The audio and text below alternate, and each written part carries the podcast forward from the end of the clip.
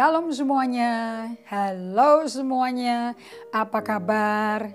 Semingguan ini bagaimana kondisi Anda? How is your relationship with God? Bagaimana hubungan Anda dengan Tuhan? Oke, okay? itu adalah benchmark kita.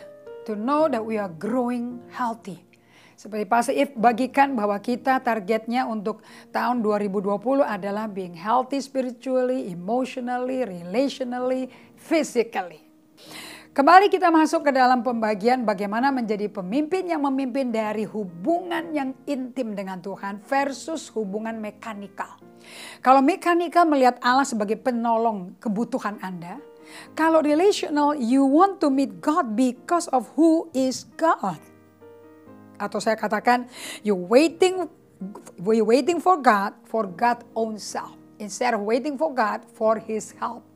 Oke, jadi Anda nggak kasih daftar checklist Anda ke Tuhan, tapi Anda memeluk seperti Maria Magdalena waktu ketemu Yesus di di kuburan itu, dia peluk, dia berampuni, dia mulai, dia lari dalam semua peluk, tapi Tuhan bilang jangan pegang dulu karena aku mesti persembahkan darah ini kepada Allah Bapa, right?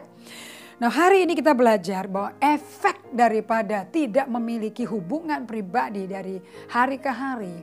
Hubungannya mencintai dan cinta mula-mula. Karena ini peringatannya Yesus ya di jemaat Efesus tuh di Wahyu 2 tuh.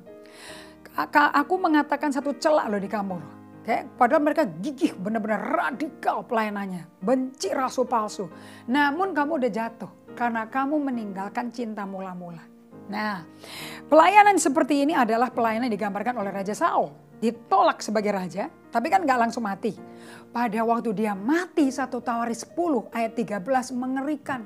Bahkan lebih mengerikan lagi saudara-saudara. You know, di satu Tawari 10 ayat 10 dia bunuh diri kan matinya. Itu di satu Tawari 10 ayat 4. Terus bujang pembawa senjata dia ikut-ikut bunuh diri. Ini another topic ya.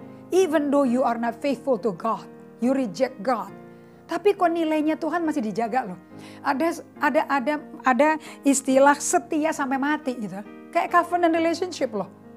Even though to the wrong leader. Oke. Okay? Nah, di 1 Taurus 10 ayat 10, pada waktu mayatnya Saul dan bujangnya itu diketemukan oleh orang-orang Filistin, kepalanya si Saul dibawa ke, ke dalam kuilnya orang Filistin. Dipatok di tembok, dijejerin dengan dagon-dagonnya mereka.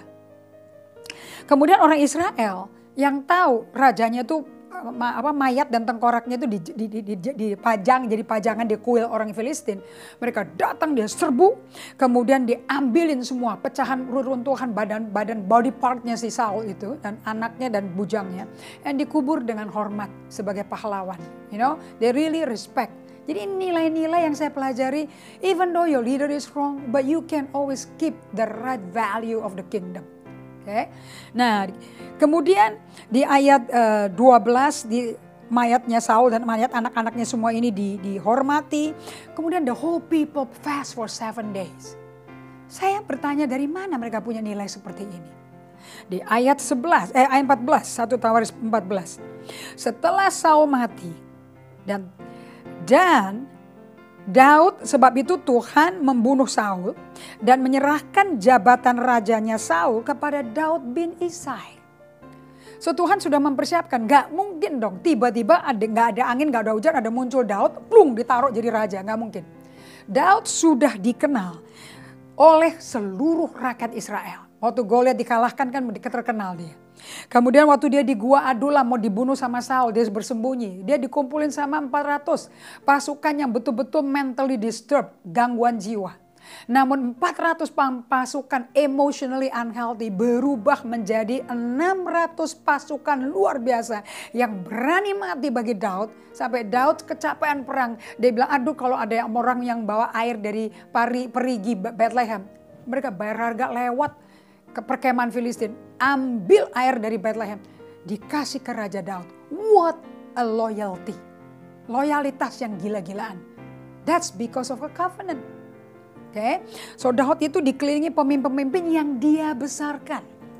Mereka tidak dibesarkan by theory, but by walking, living, and copying, and being with him day by day. So, pemimpin yang andal adalah pemimpin yang dibentuk di musim susah. Bukan di musim enak. Karena Daud waktu menjadi pemimpin tidak lagi di singgah sana. Tidak lagi di istana. Di gua. Yang reputasinya mat. Karena Raja Israel Saul mau bunuh dia. Gara-gara apa? Emotionally unhealthy. Saul iri sama Daud. Dia takut kehilangan pamor. Dia takut kehilangan pengikut. Dia takut kehilangan tahtanya sampai bencinya, insecurity-nya menimbulkan benci. Akibatnya dia mau bunuh terang-terangan secara fisik di meja makan mau dibunuh Daud. Come on people, it's urgent that emosi kita menjadi sehat di musim pandemi ini. Jangan neglect a day without coming to your lover, Jesus Christ. Dari Sweet Pastor Indri, saya berkati kalian semua to grow in your walk with God. God bless you.